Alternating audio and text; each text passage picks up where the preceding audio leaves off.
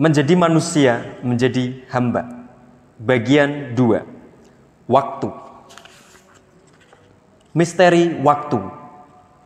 Berbicara tentang waktu, saya jadi teringat kalimat Agustinus ketika ditanya tentang waktu.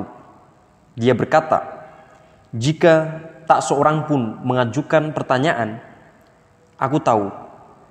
Tapi jika seseorang mengajukan pertanyaan dan aku mau memberi penjelasan, aku tidak tahu lagi." Ini adalah kalimat yang jujur dari Agustinus. Dalam banyak kasus, kita sering seperti itu. Kita sering merasa tahu ketika tidak ada banyak orang yang bertanya.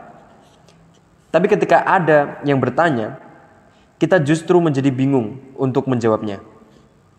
Misalnya, ada orang yang teriak-teriak soal penegakan tentang khilafah, malah tidak bisa menjawab. Ada orang yang teriak-teriak anti demokrasi atau pro demokrasi. Ketika ditanya tentang demokrasi, anti dan pro malah langsung terdiam. Bingung. Sebelumnya merasa sudah tahu. Ketika ditanya malah tidak tahu. Kepandaian mendefinisikan atau menjelaskan sesuatu itu penting. Sehingga ketika belajar mantek, bab pertama yang dipelajari dalam kitab mantek adalah takrif, definisi. Perkara definisi inilah yang dialami Agustinus ketika saya berbicara waktu. Mungkin Anda merasa sudah tahu. Dalam bayangan Anda, mungkin muncul jam, kalender, WIB, WIT, pagi, siang, sore, dan malam. Padahal itu semua adalah penanda waktu. Mungkin saja cuma itu yang ada di pikiran Anda. Tapi ketika Anda ditanya tentang waktu, jawabannya akan seperti Agustinus. Mau menjelaskan, tapi tidak keluar.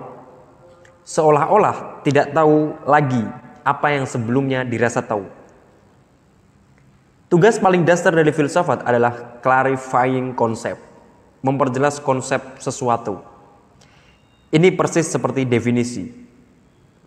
Kita sering berbicara, berdiskusi, bahkan berdebat dengan seseorang Padahal jangan-jangan kita tidak paham konsepnya. Atau jangan-jangan konsep kita berbeda dengan konsep orang tersebut. Misalnya konsep tentang khilafah. Yang satu membayangkan khilafah seperti dinasti yang dipimpin rajanya. Sementara di pikiran selainnya bahwa khilafah adalah ini jailun fil ardi khalifah. Sehingga ada yang bersikeras pada pendapat bahwa seseorang tidak boleh anti khilafah. Sedangkan yang lainnya juga bersikeras. Bahkan khilafah tidak harus. Itu adalah ijtihad manusia. Oleh karenanya, clarifying konsep diperlukan untuk memperjelas konsep terlebih dahulu. Waktu adalah problem perennial. Maka Mari kita perjelas seperti waktu.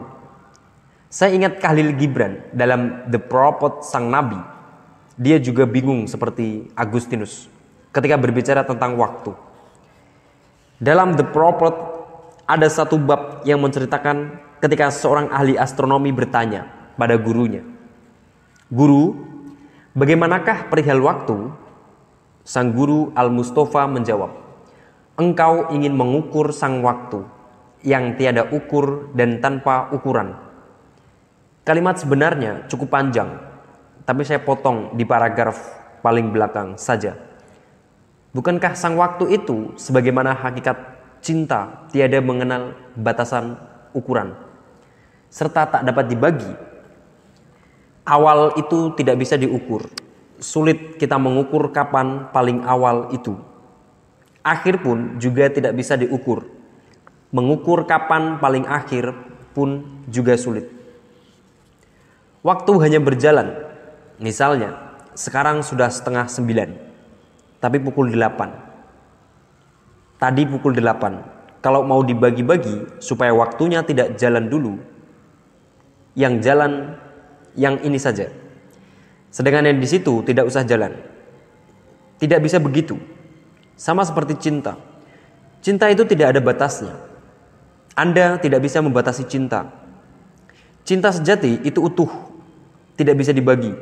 Misalnya, punya empat istri, lalu cintanya ingin dibagi-bagi masing-masing 25%. Tidak bisa seperti itu. Orang jatuh cinta pasti utuh. Kalau punya empat istri, berarti jatah masing-masing 100%. Jadi waktu itu seperti cinta. Dan hanya itu jawaban sang guru dalam The Prophet. Tapi apabila ada keharusan dalam pikiran untuk membagi sang waktu ke dalam ukuran musim semi dan musim dingin, maka biarkanlah tiap musim merangkum musim lainnya. Kalau harus dibagi-bagi, termasuk cinta tadi, lampauilah jumlahnya, buanglah kuantitasnya, jadikan satu serta biarkan masa kini selalu memeluk masa lampau. Inilah penjelasan Khalil Gibran. Penjelasan ini menguatkan Agustinus bahwa waktu tidak gampang untuk sekadar dijelaskan. Malik bin Nabi, seorang sosiolog dan ahli sejarah Islam, juga berusaha menjelaskan waktu. Kata dia, waktu adalah sungai yang mengalir ke seluruh penjuru sejak dahulu kala. Melintasi pulau, kota, dan desa. Membangkitkan semangat atau menenap bubukkan manusia. Ia diam seribu bahasa, sampai-sampai manusia sering tidak menyadari kehadiran waktu dan melupakan nilainya. Walaupun segala sesuatu selain Tuhan tidak akan mampu melepaskan dirinya dari waktu. Kalimat-kalimat Malik bin Nabi yang puitis ini menurut saya mudah dipahami. Bila Anda menikmati waktu dengan selalu bersantai, Anda akan terkejut karena tiba-tiba waktu sudah habis. Anda berkewajiban untuk menyelesaikan ujian, misalnya, tapi Anda tidak memanfaatkan waktu Anda untuk mempersiapkannya.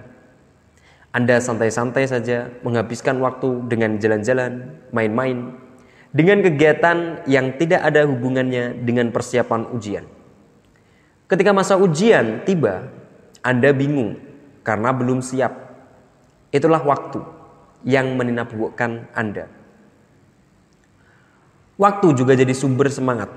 Misalnya, Anda ingat waktu ujian sudah sangat dekat anda berusaha mengejar materi dengan belajar, semakin giat karena merasa berburu dengan waktu. Dan ketika ujian berlangsung, Anda sudah siap dan bisa menjalaninya dengan lancar. Begitulah waktu. Ia punya dua kekuatan yang saling melengkapi, tapi bisa juga dibaca saling kontradiksi. Tergantung bagaimana kita memanfaatkannya. Ada juga mitos tentang waktu dari bangsa Yunani. Dengan mengangkat tokoh bernama Kronos. Kronos adalah golongan Titan. Titan adalah generasi dewa-dewa sebelum dewa-dewa Olympus, sebelum adanya dewa Zeus dan kawan-kawannya. Menurut mitos itu, sebenarnya Kronos adalah bapaknya Zeus. Kronos sendiri adalah anak dari dua dewa, Gaia dan Uranus dewa langit dan dewa bumi.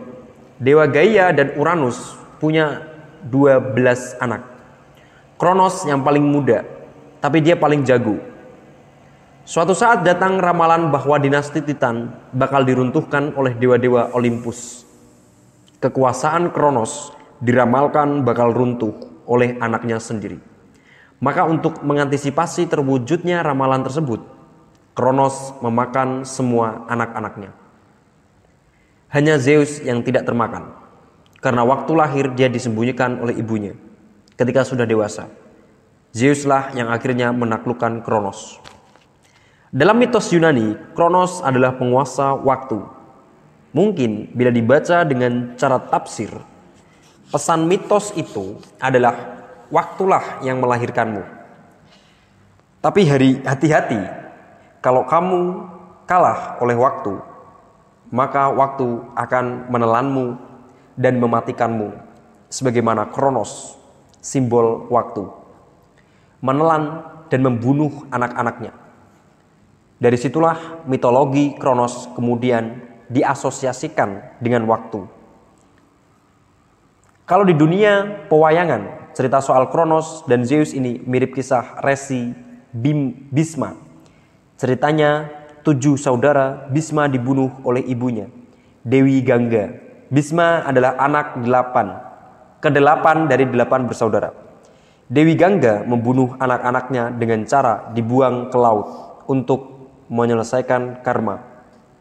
Dari semua anaknya, tinggal yang nomor delapan, Dewa Brata yang tersisa.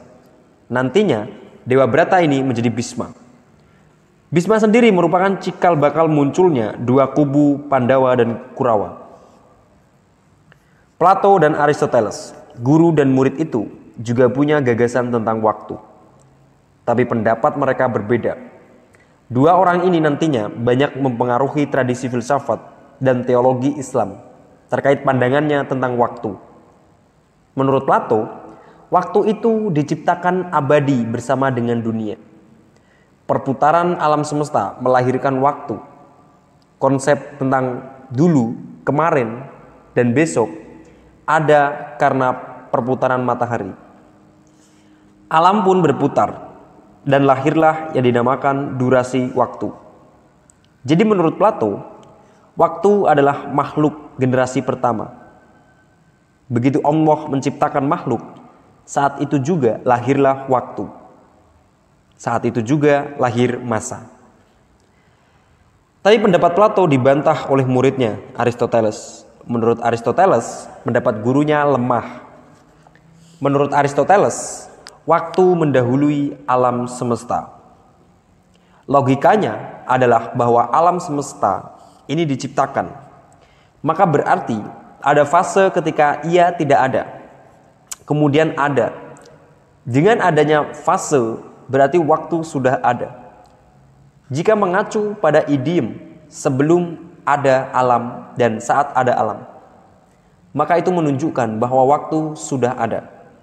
Sebelum menunjukkan waktu, mana yang benar? Ada waktu sebelum alam atau waktu ada karena berputarnya alam? Sebelum Allah menciptakan waktu, apakah waktu sudah ada Perdebatan ini pun masuk ke ranah teologi ketika para teolog memperdebatkan ciptaan. Dan ini adalah salah satu subjek yang dibahas oleh Al-Ghazali dalam Tahafut Al-Falasifah. Di mana nantinya dibantah oleh Ibnu Rus dalam Tahafut At-Tahafut yang membahas tentang kebaruan alam termasuk penciptaan alam dan waktu. Kapan Allah menciptakan waktu? Akal kita tidak bisa membayangkan sesuatu dari tidak ada kemudian menjadi ada. Tapi ia mendahului waktu. Perihal tersebut menjadi perdebatan klasik. Namanya perdebatan metafisik. Kita tidak tahu persis sesuatu yang diperdebatkan. Yang penting adalah argumen yang lebih pandai dan cerdas saja. Mengenai agama, Besok-besok tanyakan langsung pada Allah argumen mana yang benar tentang lebih dahulu mana alam atau waktu. Hanya Allah yang tahu. Ini seperti membahas lebih dulu mana ayam dengan telur. Menurut Aristoteles, tidak mungkin keduanya ada secara bersamaan. Sedangkan Plato berpendapat keduanya ada secara bersamaan. Mana yang lebih dulu dan mana yang belakangan. Itu agak susah. Dan ini menjadi perdebatan klasik. Waktu linear. Di era modern ada Newton yang membahas tentang waktu. Newton termasuk ilmuwan yang berpandangan bahwa waktu itu bersifat mutlak. Ia eksak, mutlak, independen, punya logika sendiri dan punya proses sendiri. Orang-orang modern nantinya mengasumsikan waktu itu linear dan terbatas. Maksudnya linear, waktu jalan terus, tidak mungkin balik. Waktu maju terus, tidak mungkin ada waktu yang mundur. Kendati di banyak film diceritakan tentang perjalanan kembali ke masa lalu, time travel. Bahkan ada juga isu-isu sains yang membahas soal itu.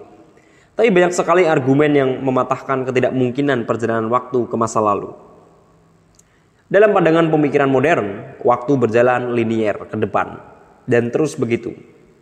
Karena itu berhati-hatilah, waktu itu terbatas.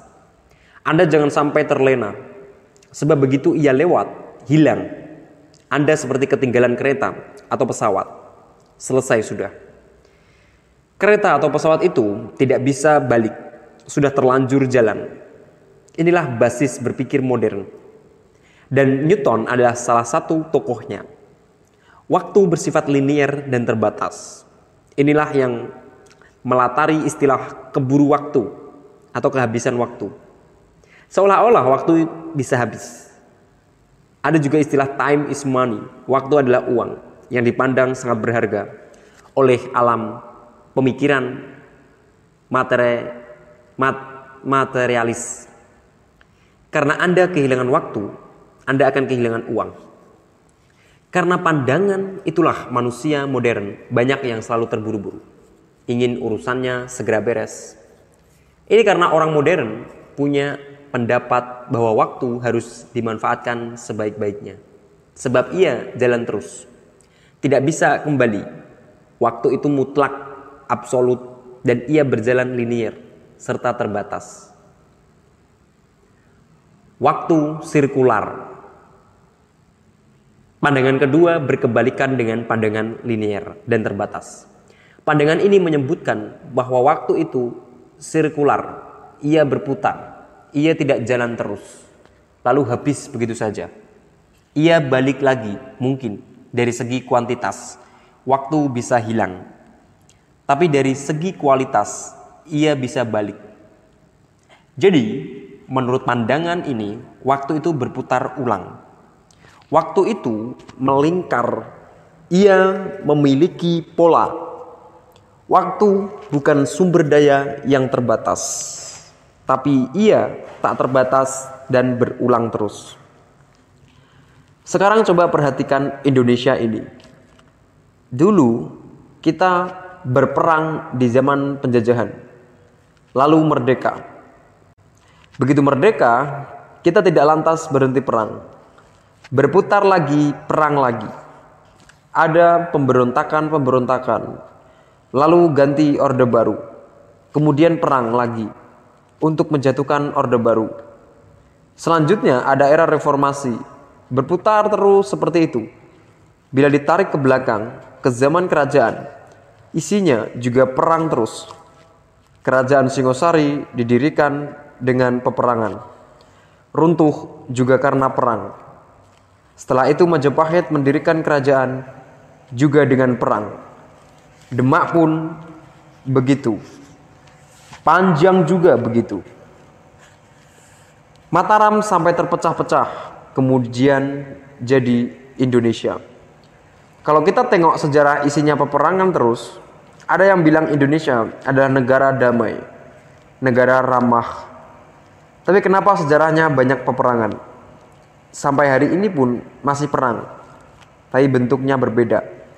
Sekarang ini perangnya berlangsung di dunia maya. Kalau dulu perangnya di dunia nyata. Tapi bagaimanapun bentuknya, kita ini masih berperang Ternyata segala kejadian itu berputar di situ-situ saja. Modelnya saja yang berbeda. Sejarah itu berulang. Bila ada yang punya pandangan seperti itu, berarti dia berpendapat bahwa waktu itu sirkular. Jadi jangan takut kehabisan waktu. Ia selalu ada dan berputar lagi. Kalau Anda malas lalu gagal, jangan putus asa. Akhiri kemalasan Anda niscaya Anda akan sukses. Jangan khawatir kehabisan waktu, ia tidak akan habis karena ia terus berputar. Tapi kalau Anda masih malas terus, kejadiannya berputar lagi. Anda akan gagal lagi. Itulah waktu sirkular. Dalam falsafah Jawa, ideologi waktu sirkular ini misalnya melahirkan pandangan tentang cokro manggilingan. Cokro artinya berputar, manggilingan itu berputar dan melindas. Maksudnya, hidup ini ibarat roda. Dia berputar, kadang di atas, kadang di bawah. Yang tadinya di atas, mungkin besok di bawah. Dan sebaliknya, yang tadinya di bawah, mungkin besok berada di atas. Itulah hidup. Seperti perputaran roda, kecuali rodanya macet atau sengaja dibuat macet, sehingga yang di atas berada di atas terus, dan yang di bawah berada di bawah terus. Tapi tidak mungkin begitu, Cokro manggilingan itu ada. Tidak mungkin orang berjaya terus-menerus. Dan tidak ada orang yang berjatuh terus-menerus. Untuk bisa menghadapi cokro manggilingan, orang Jawa punya jurus Triwi Kromo. Ini adalah konsep untuk menguasai tiga dunia. Masa lalu, masa kini, dan masa depan. Jika tiga dunia ini Anda kuasai, maka Anda akan bisa menaklukkan cokro manggilingan. Naik turunnya hidup tidak lagi berpengaruh pada Anda. Ketika di bawah, Anda tidak merasa kesakitan. Dan ketika di atas, Anda tidak akan lupa diri. Inilah ideologi waktu sirkuler. Waktu itu tergantung pada cara Anda menjelaskannya. Linear atau sirkuler. Tergantung pada kebutuhan Anda. Jika Anda ingin efektif, segera menemukan kesuksesan, mungkin Anda butuh ideologi waktu linear. Semua hal harus efektif, serius karena waktu itu bisa habis. Tapi kalau Anda sedang ingin menikmati hidup, ingin santai, ingin bersyukur, nikmatilah alur waktu yang sirkular. Dalam falsafah timur banyak ditemukan pandangan waktu sirkular. Pandangan ini sepertinya lebih cocok dengan mental timur. Mungkin orang timur merasa lebih cocok dengan waktu sirkuler. Tapi kita juga tetap harus punya senjata waktu linier. Kalau tidak begitu, kita bakal santai terus. Bisa-bisa sesuatu suatu saat ketika sumpek datang, di mana seharusnya kita bisa bangkit, kita malah menganggapnya remeh. Halah, biasa. Hidup itu kadang di bawah, kadang di atas. Kalau sudah begitu, biasanya kita tidak akan berjuang. Tapi juga jangan terlalu bernafsu, maunya maju terus. Sesekali gagal, tidak apa-apa. Tunggu saja, selalu ada kesempatan. Kalau ada yang bilang bahwa kesempatan tidak datang dua kali, berarti dia berpatokan pada teori waktu linier. Kalau waktu sirkuler tidak begitu. Anda tidak lolos tes CPNS, tidak apa-apa. Besok-besok masih ada tes lagi. Yang penting harus dipastikan rodanya tetap berputar. Kalau macet, nasib Anda tidak akan berubah. Anda tidak akan pernah di atas. Jangan takut. Kesempatan itu datang berkali-kali. Jangan mau ditakut-takuti dengan kesempatan tidak datang dua kali. Mungkin memang bukan kesempatan yang kali ini tapi kesempatan lain pasti ada. Waktu subjektif dan objektif. Agustinus, meski gagal menjelaskan definisi waktu, juga punya teori yang bagus. Di depan saya menyinggung tentang masa lalu, masa kini, dan masa depan. Kita menganalisis apa pun menggunakan teori itu, di mana waktu terbagi tiga fase, masa lalu, masa kini, dan masa depan. Menurut Agustinus, yang termasuk golongan filsuf skolastik, sebenarnya masa lalu dan masa depan itu tidak ada. Yang ada hanya masa kini. Kemarin itu bagi Agustinus adalah masa kini. Di masa tersebut, ketika hari ini ia bukan masa kini lagi. Ia adalah masa lalu versi masa kini. Hari itu cuma kenangan, memori, sudah tidak ada lagi di masa kini. Masa depan juga begitu. Cuma analisis Anda, perhitungan Anda, prediksi Anda. Besok itu sebenarnya tidak ada. Jadi, masa lalu dan masa depan itu tidak ada. Yang ada hanya masa kini. Masa lalu tampil di masa kini bukan berarti dirinya sendiri, tapi sebagai kenangan, sebagai ingatan masa kini terhadap masa lalu. Masa depan juga begitu. Ia tampil hari ini bukan sebagai dirinya, tapi hanya sebagai prediksi, hanya perkiraan. Yang ada hanyalah masa kini. Jadi ketika Anda galau oleh sesuatu di masa lalu, sebenarnya Anda, anda menggalaukan sesuatu yang tidak ada. Ia sudah hilang. Kalau Anda galau tentang masa depan, misalnya berpikir besok akan jadi apa, itu malah bisa membuat Anda sumpah. Anda sedih tentang sesuatu yang tidak ada. Kalau Anda mengkhawatirkan tentang besok, takut hidup Anda bakal suram, lalu Anda sedih, perlu Anda pahami bahwa suramnya itu baru besok. Dan itu juga belum pasti. Lalu untuk apa Anda bersedih sekarang? Nikmati saja yang sekarang. Kalau sekarang Anda sumpah, paling tidak sumpahnya tidak rangkap tiga. Hanya sumpah hari ini. Bukan sumpah karena masa lalu dan masa depan. Sumpahnya di masa kini saja. Sibukkan diri Anda dengan masa kini. Dan jangan lengah. Karena masa kini itu sesaat lagi akan jadi masa lalu. Misalnya, Anda membaca buku ini pukul 8 malam. Lalu galau. Ketika sudah pukul 9, kegalauan Anda pada pukul 8 sudah hilang. Otomatis ia jadi masa lalu, sudah lewat. Ceritanya sudah selesai. Tidak perlu lagi digalau-galaukan lagi. Perjalanan waktu untuk kembali ke pukul 8 itu tidak mungkin. Karena itu ada pepatah, sesal kemudian itu tiada guna. Sesal kemudian itu tiada berguna. Peristiwanya sudah lewat. Untuk apa disesali? Ada sebuah cerita sufi terkait teori ini. Suatu ketika, seseorang berkunjung ke rumah seorang sufi yang kaya raya. Orang tersebut bermaksud meminta nasihat.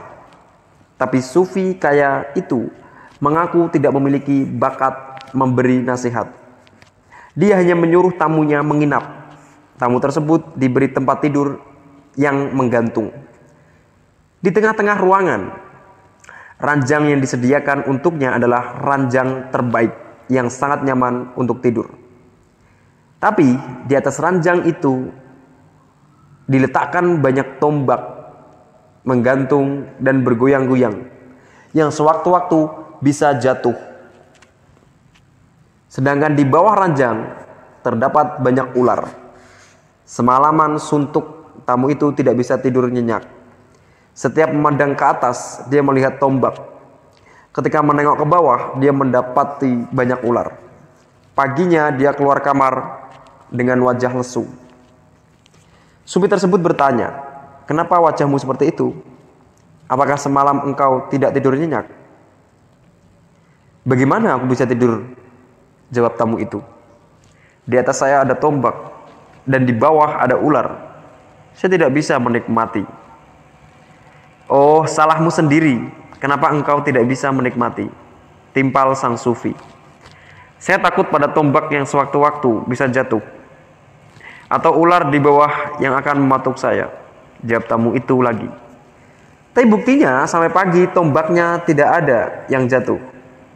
Tidak ada juga ular yang naik keranjang.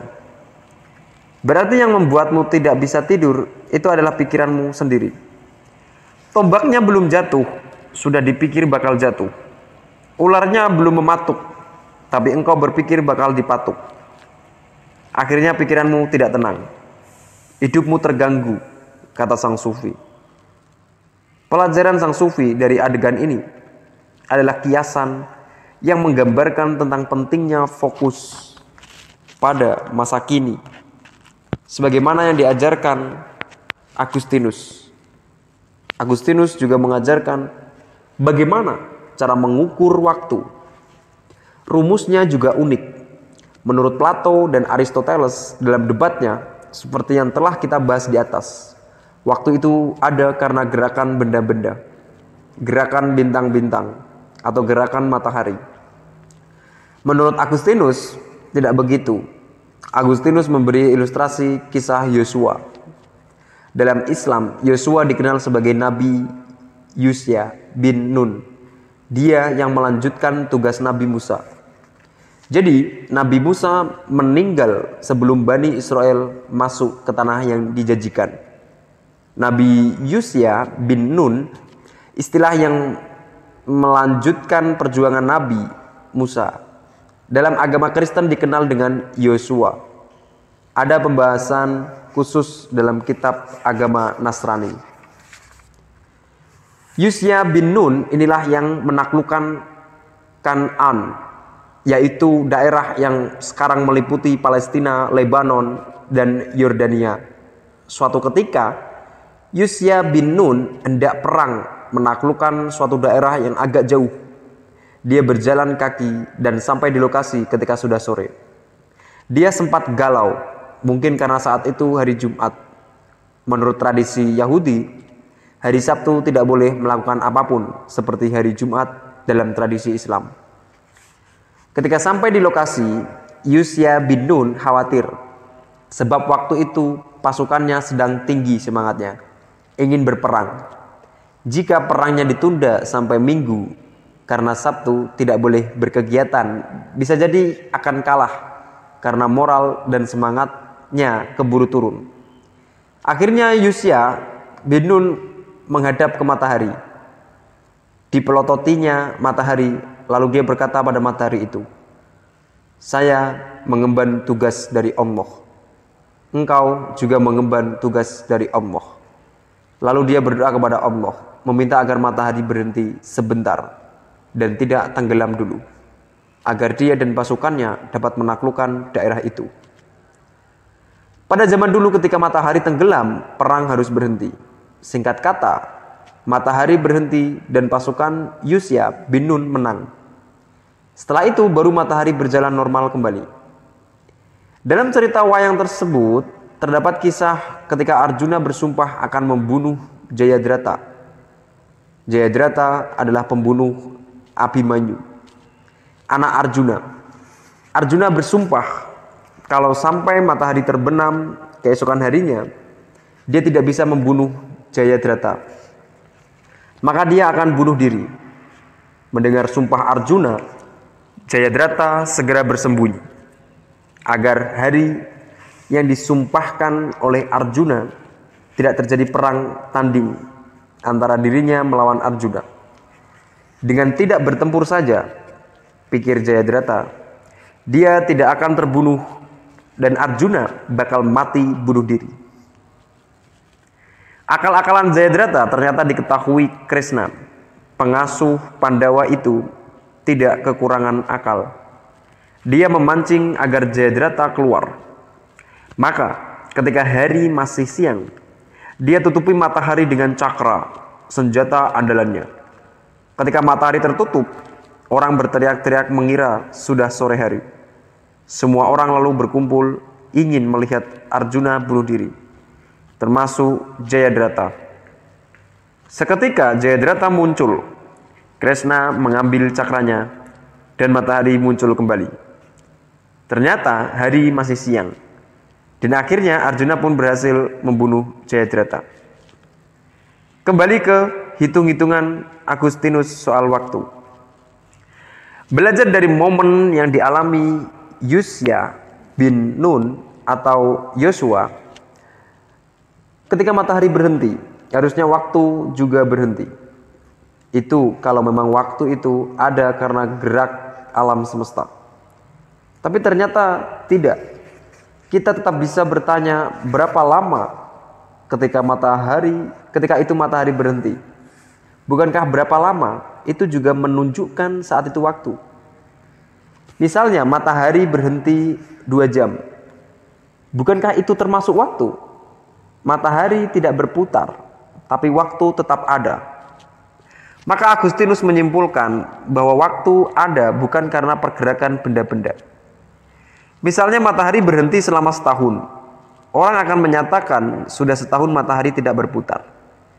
Ketika seseorang menyebut setahun, berarti waktu itu ada dan terus berjalan. Waktu setahun itu sama dengan 365 kali rotasi bumi dalam mengelilingi matahari. Kalau begitu, berarti bumi tetap mengelilingi matahari, tapi buminya tidak berputar. Jika demikian, kita akan tetap bertanya, berapa lama bumi tidak berputar? Rotasi bumi itu menentukan hari. Dan dari perhitungan hari didapati perhitungan tahun. Kalau bumi tidak berputar, harusnya perhitungan waktu hari dan tahun juga tidak berjalan. Tapi tetap muncul pertanyaan berapa lama bumi tidak berputar. Dan itu jawabannya pasti berkaitan dengan waktu. Kalau bumi tidak berputar, harusnya tidak ada waktu tidak bisa dihitung. Tapi nyatanya tetap bisa. Berarti kunci waktu itu bukan pada gerakan benda-benda begitu, kata Agustinus. Sehingga Agustinus sampai pada kesimpulan bahwa kunci waktu adalah mental manusia. Manusialah yang mengklasifikasi waktu. Manusialah yang memahami waktu, mengingat masa lalu, menikmati masa kini, dan membayangkan masa depan. Masa lalu, masa kini, dan masa depan itu hadir dalam diri kita.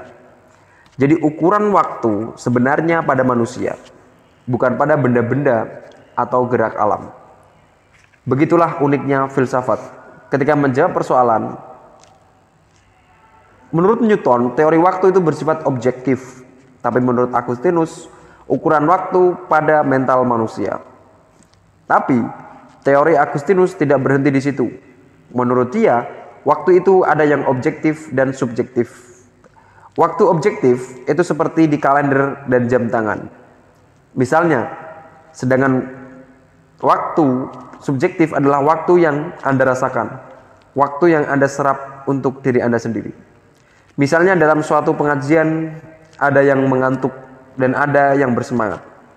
Bagi yang mengantuk, waktu terasa berjalan lama sekali. Sementara bagi yang semangat, waktu berjalan normal. Begitu juga ketika menjalani ujian. Bagi yang belum siap, yang tidak bisa mengerjakan ujian, waktu rasanya berjalan cepat sekali. Sedangkan bagi yang siap, yang bisa mengerjakan ujian dengan lancar, waktu berjalan normal, bahkan cenderung lama. Itulah yang dinamakan waktu subjektif.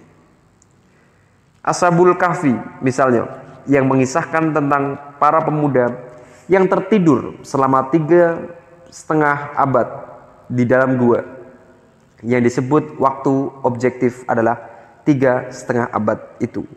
Sementara yang disebut waktu subjektif bagi yang mengalami peristiwa itu serasa hanya tidur semalam. Bayangkan kalau itu terjadi pada Anda. Katakanlah Anda tertidur pada abad ke-17 Ketika Indonesia ini masih berupa kerajaan-kerajaan dan awal-awal kedatangan bangsa Eropa ke Nusantara. Lalu Anda tertidur selama 350 tahun dan ada Anda terbangun di masa kini. Ketika bangun, Anda mendapati kampanye pemilihan presiden. Tentu Anda akan kaget. Luar biasa karena Anda tidak mengikuti perubahan-perubahan yang terjadi bersama waktu objektif. Maka kalau Anda sumpah, tidur saja seperti Asabul Kafi. Siapa tahu ketika bangun situasi yang membuat Anda sumpah itu sudah tidak ada. Itulah bedanya waktu objektif dan waktu subjektif. Sedangkan Ibnu Arabi menggunakan istilah al-waqt at-tabi'i, waktu alami. Nabi Muhammad SAW mengalami waktu objektif dan subjektif dalam peristiwa Isra Mi'raj. Secara subjektif, Nabi mungkin merasakan perjalanan beliau sangat jauh yang harus ditempuh selama berjam-jam. Tapi secara objektif ternyata sangat singkat. Ilustrasi waktu dunia dengan waktu akhirat itu ada yang objektif dan subjektif. Seringkali kita dengar bahwa sehari di akhirat sama dengan sekian ribu tahun di dunia. Mungkin logika waktu untuk menjelaskan hal tersebut bisa disebut bisa subjektif dan objektif. Banyak sekali teori tentang waktu. Setidaknya kita tahu dasarnya mengenai kapan waktu dijelaskan secara objektif atau subjektif. Waktu eksistensial. Martin Heidegger, filsuf Austria, juga punya teori tentang waktu yang disebutnya waktu eksistensial. Dia membahas waktu menggunakan dua istilah dalam bahasa Jerman. Inner Zeitigkeit dan Zeitlichkeit. Waktu normal dan waktu sementara. Heidegger punya sebuah buku yang menjadi masterpiece, yaitu Being and Time. Menurut Heidegger, semua makhluk ada dalam waktu. Lengkapnya dalam ruang dan waktu. Seperti teori Stephen Hawking. Selalu ada jalinan ruang dan waktu yang tidak terpisah dalam segala hal. Hanya saja khususnya untuk manusia. Caranya memahami waktu berbeda karena bagi Dasein manusia auntetik. Waktu bukanlah sesuatu yang niscaya atau untuk dinikmati saja. Manusia itu sendiri harus mewaktu. Mewaktu itu maksudnya mengada dalam waktu. Eksis sesuai waktu. Eksislah jadi dirimu Anda, jadi diri Anda tampillah dalam waktu karena dia jadi diri sendiri. Manusia punya orientasi hidup sendiri. Manusia punya penghayatan hidup sendiri. Dia punya makna hidup sendiri. Bukan sekedar ikut-ikutan orang lain. Punya referensi boleh, tapi semua keputusan putuskanlah sendiri. Bila suka berorganisasi, silahkan. Tapi putuskan yang terbaik oleh dirimu sendiri bukan karena ikut orang lain. Apalagi dipaksa orang lain. Itulah yang dinamakan eksis. Itulah yang disebut mengada dalam waktu. Mewaktu. Waktu akhirnya punya makna eksistensial. Waktu jadi pendukung dirimu untuk eksis. Anda membaca buku ini karena Anda ingin hadir sesuai orientasi hidup Anda anda punya penghayatan dan pemaknaan sendiri tentang materi buku ini. Maka Anda yang membaca jadi eksis. Tapi yang membaca buku ini hanya karena ikut-ikutan temannya akan merasa tidak enak. Yang dipikirkannya adalah masa temanku membaca buku ini, aku tidak. Dia hanya ikut-ikutan. Kasihan dia. Ketika ikut-ikutan, saat itulah dia menjadi dasman, bukan manusia autentik. Dia jadi manusia palsu. Dirinya bukan dirinya. Ketika diri seseorang ternyata bukan yang dia inginkan untuk dirinya sendiri, itu berarti dia tidak autentik. Menurut Heidegger, manusia seperti inilah jenis manusia yang malang. Memang kita tidak bisa memilih lahir dari orang tua seperti apa. Tapi bukan berarti kita tidak bisa menentukan pilihan kita sendiri. Sayangnya, pada kenyataannya banyak anak-anak yang gagal menjadi diri sendiri karena harus mengikuti kemauan orang tua. Anda sekolah TK dan SD biasanya dipilihkan orang tua Anda. Agama dipilihkan orang tua. Kuliah juga jangan-jangan dipilihkan orang tua. Bahkan ada juga yang jodohnya dipilihkan orang tua. Manusia seperti itu tidak pernah dewasa. Dia tidak pernah memutuskan untuk dirinya sendiri. Dia tidak pernah eksis dalam segala urusan, mengikuti teman. Dia mudah terpengaruh oleh lingkungan. Ketika itulah dia tenggelam dalam waktu. Dia tidak eksis sebagai dirinya sendiri. Inilah pemaknaan waktu eksistensial Waktu adalah kesadaran untuk mengada, untuk membuat diri seseorang ada. Inilah pandangan Heidegger, filsuf eksistensialis. Waktu juga dipahami sebagai makna dan imajinasi. Waktu tak sekedar dirasakan secara subjektif atau dilihat kebenarannya secara objektif. Tapi juga dimaknai sesuai kepentingan, keinginan, ideologi, atau perspektif manusia. Waktu objektif hanya satu, yang subjektif juga satu, sesuai penghayatan masing-masing. Tapi ada level yang berbeda, di mana waktu bersifat maknawi dan imajinasi. Biasanya ini sesuai kesepakatan. Bumi mengitari matahari itu objektif. Tapi objektivitas itu kemudian dipecah-pecah hingga muncul yang dinamakan kalender. Inilah sifat maknawi waktu. Karena itu, ada banyak kalender, ada Hijriah, ada Masehi, ada Jawa, ada Aboge, ada Asapon. Anda tidak bisa menanyakan mana kalender yang paling cocok. Masing-masing mempunyai nalar falaknya sendiri-sendiri. Inilah contoh nalar maknawi, nalar imajinatif, yaitu memahami waktu sesuai latar belakang keilmuan dan latar belakang pandangan hidup. Ada juga makna primitif, kuno atau modern. Semua itu adalah waktu buatan manusia. Masa lalu, masa kini, dan masa depan itu juga buatan manusia. Pada manusia, terdapat bagian-bagian primitif, bagian-bagian modern, atau bagian-bagian kuno. Itu semua ada karena dibuat oleh manusia. Itulah sifat maknawi waktu. Bumi mengelilingi matahari, itu pasti. Tapi per berapa ia keliling, pembaginya seperti apa? Seminggu tepatnya dibagi tujuh seperti Masehi atau lima seperti Jawa. Atau mungkin lebih. Itu semua kesepakatan.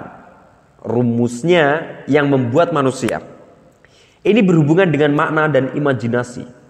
Perhitungan yang menggunakan dasar bulan beda dengan perhitungan yang berdasarkan matahari. Kalau mau Anda bisa juga buat kalender sendiri dengan dasar yang Anda tentukan sendiri dengan perhitungan mood Anda. Misalnya, manusia dengan imajinasinya menangkap waktu bukan dalam detik, menit, jam, atau hari. Tapi waktu ditangkap, dipahami dalam bentuk kalender Masehi, Jawa, Tionghoa, atau Hijriah. Berbagai perhitungan itu nantinya melahirkan mitos. Ada mitos hari aktif dan hari libur. Itu semua mitos. Kalau ada yang bilang I hate Monday, misalnya ganti saja namanya, jangan Monday. Nama itu hanya kesepakatan. Itulah mitos-mitos waktu. Ada mitos weekend dan weekday. Mitos weekend mau ke mana? Itu membuat minder yang tidak punya uang atau tidak punya pacar. Mengapa mesti minder? Dengan mitos buatan manusia, weekend itu waktunya istirahat dari kerja. Dan orang yang butuh banyak istirahat itu sebenarnya orang yang tidak menikmati kerjanya. Sayyidina Ali pernah berkata, kerjaku itu rekreasi, rekreasiku itu kerja. Beliau berkata demikian karena menikmati pekerjaannya. Sedangkan menurut Marquis, logika weekend itu dibuat karena orang ingin bebas dan istirahat. Itu adalah logika produk one dimensional man. Manusia satu dimensi, mahakarya kapitalisme. Orang-orang satu dimensi itu dipaksa kerja tanpa passion. Mereka tidak tahu sebenarnya target pekerjaannya. Apakah demi uang atau selainnya.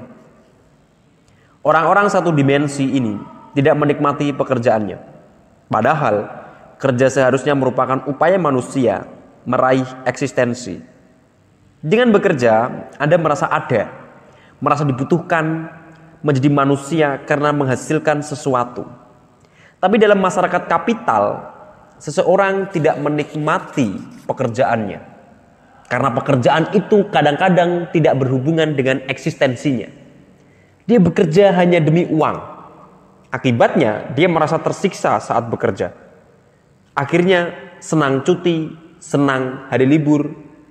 Dari sinilah logika weekend muncul Seharusnya kerja melahirkan passion, melahirkan perkaya diri atau identitas diri. Banyak sekali mitos tentang waktu, termasuk ada juga mitos hari keberuntungan atau waktu sial. Saya tidak mengatakan mitos seperti itu salah. Saya hanya menyampaikan bahwa manusialah yang memaknai mitos terkait waktu. Ketika ada istilah waktu yang kurang baik, atau waktu yang baik. Itu adalah perhitungan manusia. Kendati ada sebagian orang yang anti dengan tanggal 13. karena angka itu dipercaya sebagai angka sial. Tapi dia pasti tetap melewati tanggal itu. Tak bisa dihindarinya. Sebab tanggal 13 ini waktu objektif. Itulah macam-macam pemanaan waktu dan linier, sirkuler, dan imajinatif.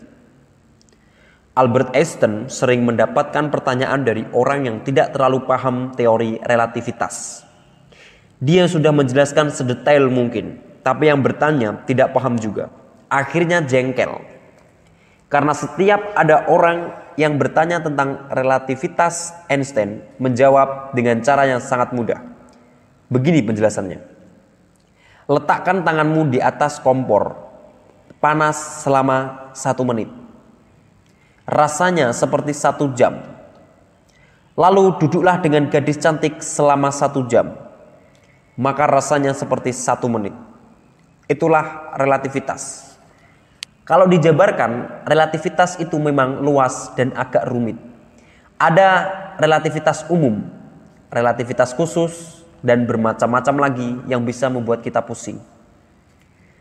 Stephen Hawking malah lebih dahsyat lagi dia menggabungkan teori relativitas dengan teori ruang, waktu, dan macam-macam. Kita ambil intinya saja.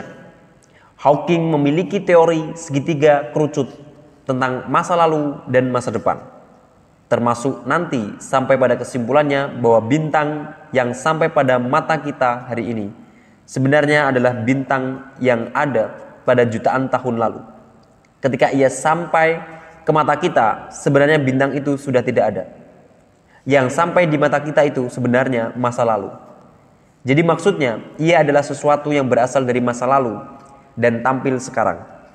Itu teori yang rumit. Mungkin apa yang disampaikan Hawking itu seperti peringatan dari Allah bahwa apa yang kita jalani hari ini adalah pantulan dari apa yang kita perbuat di masa lalu. Dan apa yang kita kerjakan hari ini akan tampak di masa depan. Itu seperti bintang-bintang dalam teori Hawking yang jauh sudah tidak ada, tapi masih kelihatan. Maka jangan pernah meremehkan apa yang Anda lakukan sekarang. Efeknya tidak cuma sekarang, tapi jauh sampai ke depan. Seperti itulah bila memaknai secara spiritual. Maka bercahayalah seterang-terangnya sekarang juga. Kendati saat ini tidak ada yang bisa melihat cahaya Anda Mungkin suatu saat nanti cahaya itu akan dinikmati orang-orang setelah Anda. Waktu dalam Al-Quran. Ada quote yang sangat terkenal dari Imam Syafi'i. Al-waktu kasyaf inlam takhauhu kota aka. Waktu itu ibarat pedang. Kalau engkau tidak memotongnya, atau menggunakannya untuk memotong, maka ia akan memotongmu. Waktu bisa jadi senjata Anda untuk bangkit menaklukkan dunia. Atau ia justru akan menggilas Anda. Ini seperti cerita Kronos. Waktu bisa melahirkan Anda. Tapi ia juga bisa menelan dan memakan Anda. Kalimat Imam Syafi'i selanjutnya adalah wa nafsuka ilam tus ilha bil haqqi syakhalakta bil batil. Dan nafsumu jika tidak mengantarkanmu pada kebaikan akan menyibukkan dengan kebatilan. Kalimat ini adalah trik agar Anda tidak terpotong oleh waktu. Yaitu dengan memperhatikan nafsu Anda, nafsu bisa diartikan jiwa. Supaya waktu tidak memotong Anda agar waktu tidak menjadi sumber kecelakaan Anda. Sibuklah dengan kebenaran. Quote itu mungkin sindiran buat kita hari ini. Hari ini Indonesia sibuk dengan hoax, sibuk dengan kebohongan. Hati-hati, karena sibuk dengan kebohongan bisa membuat manusia terpotong oleh waktu. Waktu terbuang sia-sia, tidak produktif, dan kita tidak menghasilkan apa-apa selain musuh dan kerusakan. Inilah nasihat Imam Syafi'i yang terkenal setelah dikutip oleh Ibnu Qayyim dalam Al-Jawabul Kafi. Dalam Al-Quran ada beberapa istilah terkait waktu, yaitu ajal, dahr, waktu, dan ashr. Ajal adalah batas akhir.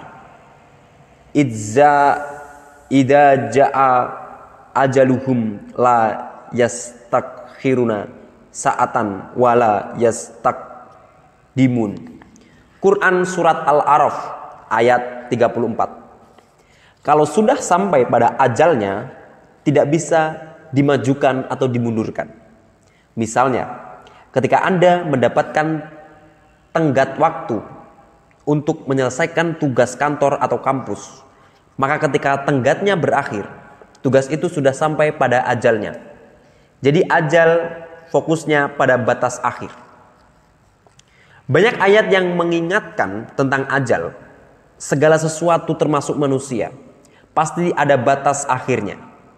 Kalau Anda sedang sumpek, ingatlah kesumpekan itu ada ajalnya. Ada batas akhirnya. Maka jangan terlalu galau ketika Anda sedang senang karena mendapat kenikmatan. Jangan lupa diri, karena itu ada batasnya. Kalau Anda tidak hati-hati mengelola kenikmatan hingga melampaui batas, ia bisa jadi kesumpekan atau kesusahan. Itulah pelajaran dari kata-kata ajal. Segala sesuatu ada ajalnya, ada batasnya. Tidak ada senang terus-menerus atau sedih terus-menerus. Kemudian ada yang disebut dahr atau durasi. Durasi itu dihitung sejak lahir hingga mati. Misalnya, durasi aktif baterai ponsel Anda 7 jam. Dari 24 jam hidup kita. Ada durasi kita untuk aktif dan durasi istirahat. Misalnya, Anda melek 6 jam, 16 jam, tidur 8 jam. Kalau Anda melek lebih dari 16 jam, dan Anda lemas, misalnya berarti melek Anda sudah melebihi durasi. Alam semesta juga mempunyai durasi, daher, mengingatkan bahwa segala sesuatu itu selalu ada awal, ada akhirnya, kecuali Allah. Allah itu tidak berawal dan tidak berakhir. Tapi semua makhluk ada awal dan akhirnya. Kesenangan Anda pada awalnya, tapi nanti pasti ada akhirnya.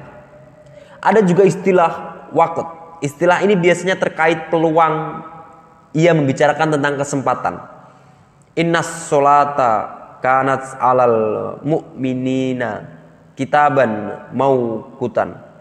Quran surat An-Nisa ayat 103. Sungguh solat itu adalah kewajiban yang ditentukan waktunya atas orang-orang yang beriman. Yaitu subuh, duhur, asar, maghrib, dan isya. Memakai istilah waktu karena begitu ia lewat kita kehilangan kesempatan. Subuh misalnya waktunya adalah dari munculnya fajar sampai menjelang terbit matahari. Ketika anda baru bangun pukul 7 dan matahari sudah meninggi maka anda kehilangan waktu subuh. Al waktu kas syaif begitu anda kehilangan kesempatan maka anda akan habis itulah waktu juga yang disebut asr, waktu menjelang terbenamnya matahari dinamai asr atau ashar. Asr di sini maksudnya membahas tentang masa. Istilah asr lebih banyak menyinggung keharusan agar manusia mengisinya dengan kebaikan. Sebab asr adalah detik-detik menjelang tutupnya hari. Asr datang ketika siang sudah habis, hendak berganti malam ia adalah waktu yang sangat penting dalam hidup kita. Setelah Asyr habis, maghrib datang, di mana malam sudah mulai menjelang. Maka Asyr mengingatkan kita, jika ingin melakukan kebaikan, segeralah lakukan. Kalau tidak, sebentar lagi malam datang. Banyak hadis yang menekankan sholat Asyr termasuk Al-Quran dengan idiom wa solatil, wa solatil wusto. Banyak yang mengartikan istilah itu dengan sholat asar. Asar memang waktu yang sangat penting bila ingin bertobat di waktu ini. Segeralah lakukan karena durasinya sebentar. Dan begitu ia lewat, malam datang. Sudah tiba waktunya tidur dan kesempatan sudah tertutup. Al-Quran mengingatkan dengan wal ashri, demi waktu, demi masa kadang-kadang, demi masa masa. Karena memang Artinya bisa seperti itu. Guru saya dulu dalam kesempatan apa pun menggunakan dalil wal ashri. Beliau selalu menasehati saya agar jangan malas. Kerja yang benar, jangan berhura-hura saja yang tidak ada gunanya. Dengan mengutip wal asri, saya disuruh untuk segera bertobat. Tapi ayat yang dipakai bukan ayat tentang tobat, melainkan wal asri, waktu untuk bertobat sangat terbatas. Dalam melanjutan ayat itu, Allah berfirman, setiap manusia pasti rugi, kecuali orang yang punya karakter beriman, beramal saleh, dan saling menasehati dalam kebenaran dan kesabaran. Isilah waktu Anda dengan tiga hal itu, maka Anda tidak akan ditelan oleh waktu. Anda harus beriman, maksudnya sadarilah bahwa Anda itu terbatas, tidak berdaya, tidak wajib ada, dan punya banyak kelemahan Bila Anda tidak beriman dan hanya mengandalkan diri Anda sendiri, maka Anda akan rugi.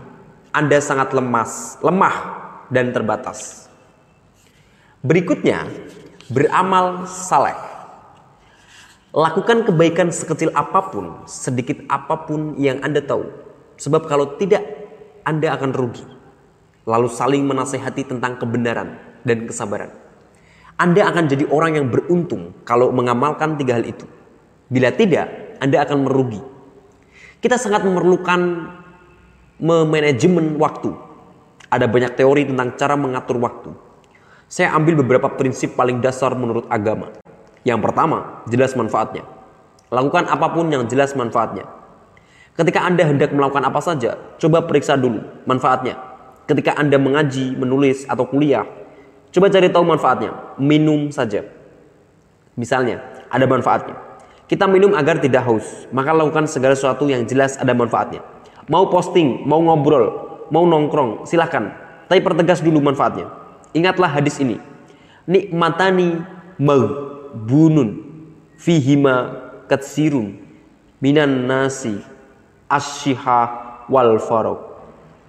Ada dua nikmat, ada dua nikmat yang banyak menipu orang, yaitu nikmat sehat dan waktu luang aktiflah melakukan kegiatan.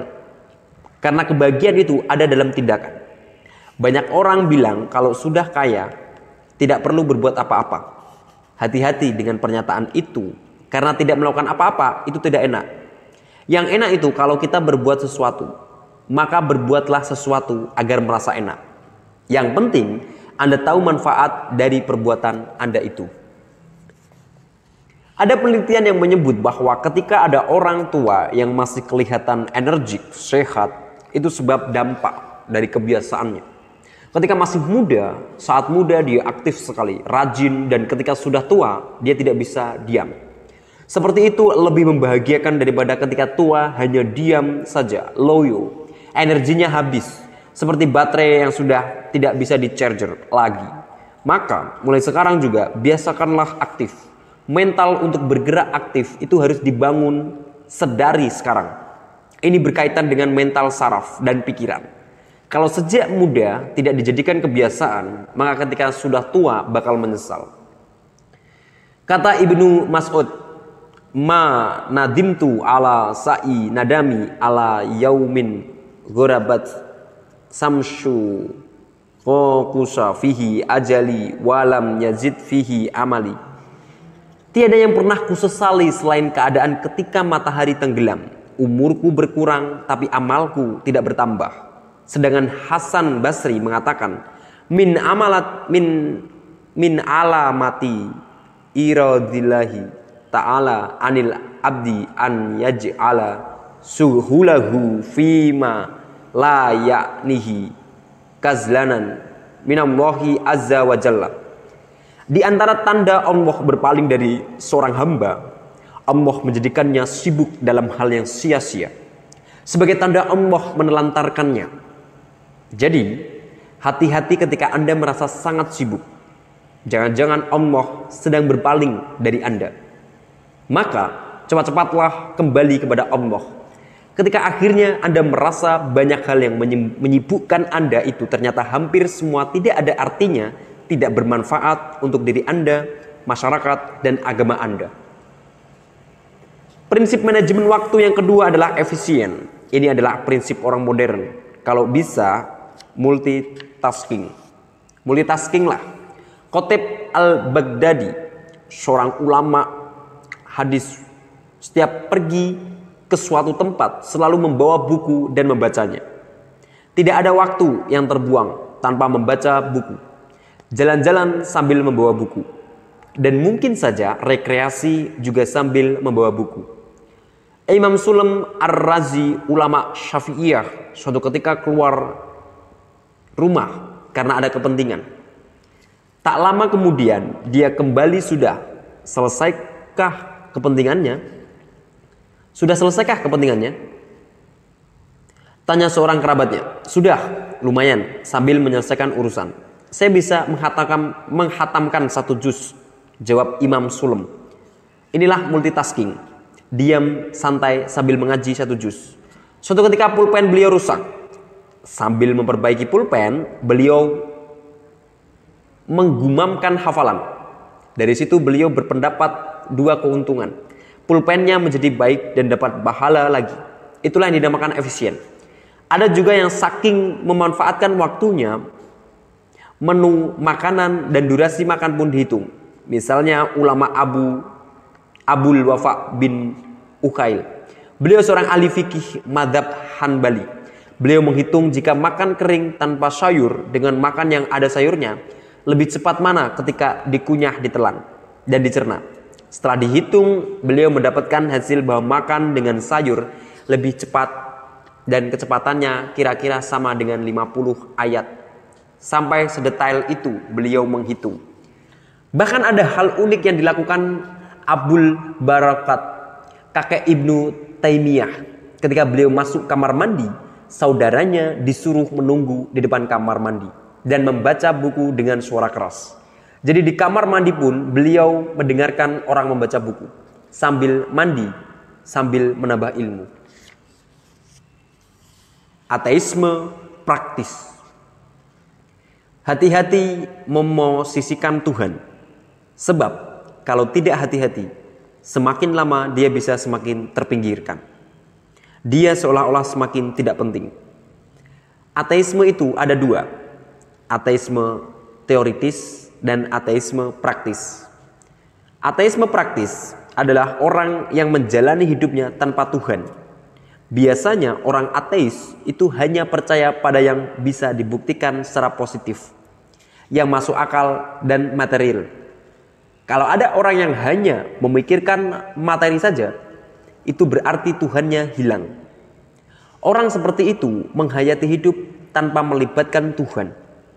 Mungkin orangnya sendiri tidak pernah mengaku sebagai ateis, tapi gaya hidupnya benar-benar ateis.